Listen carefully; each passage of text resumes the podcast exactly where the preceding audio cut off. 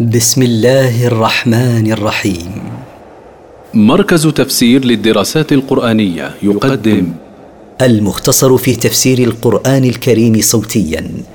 برعاية أوقاف نوره الملاحي. سورة الفلق. مكية. من مقاصد السورة. الحث على الاعتصام بالله من الشرور. التفسير. قل اعوذ برب الفلق. قل ايها الرسول اعتصم برب الصبح واستجير به. من شر ما خلق. من شر ما يؤذي من المخلوقات. ومن شر غاسق اذا وقب. واعتصم بالله من الشرور التي تظهر في الليل من دواب ولصوص.